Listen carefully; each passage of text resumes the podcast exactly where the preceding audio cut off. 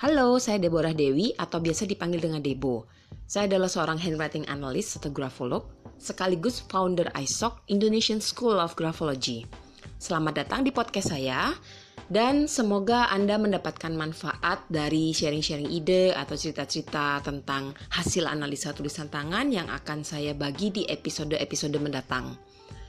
Tujuan saya membuat podcast ini adalah saya ingin membagikan semua yang saya punya, pengetahuan, pengalaman dengan satu tujuan yaitu siapa pun yang mendengarkan episode-episode podcast saya mendapatkan manfaat untuk membantu diri sendiri berkembang menjadi lebih baik, bukan lebih baik dari orang lain, tapi menjadi lebih baik dari versi diri kita sendiri yang kemarin.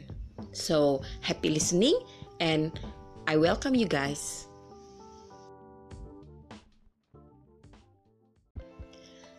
Hi, I'm Deborah Dewi from Indonesia. I'm a handwriting analyst and also the founder of ISOC, Indonesian School of Graphology.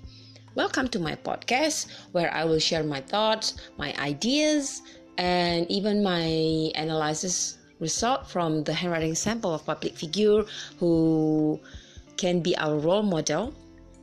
And my goal to ha- to make this podcast is simple because I want to help all of you, my listener, to grow yourself better and better every day, not to become better compared with others, but becoming um, the better version of yourself.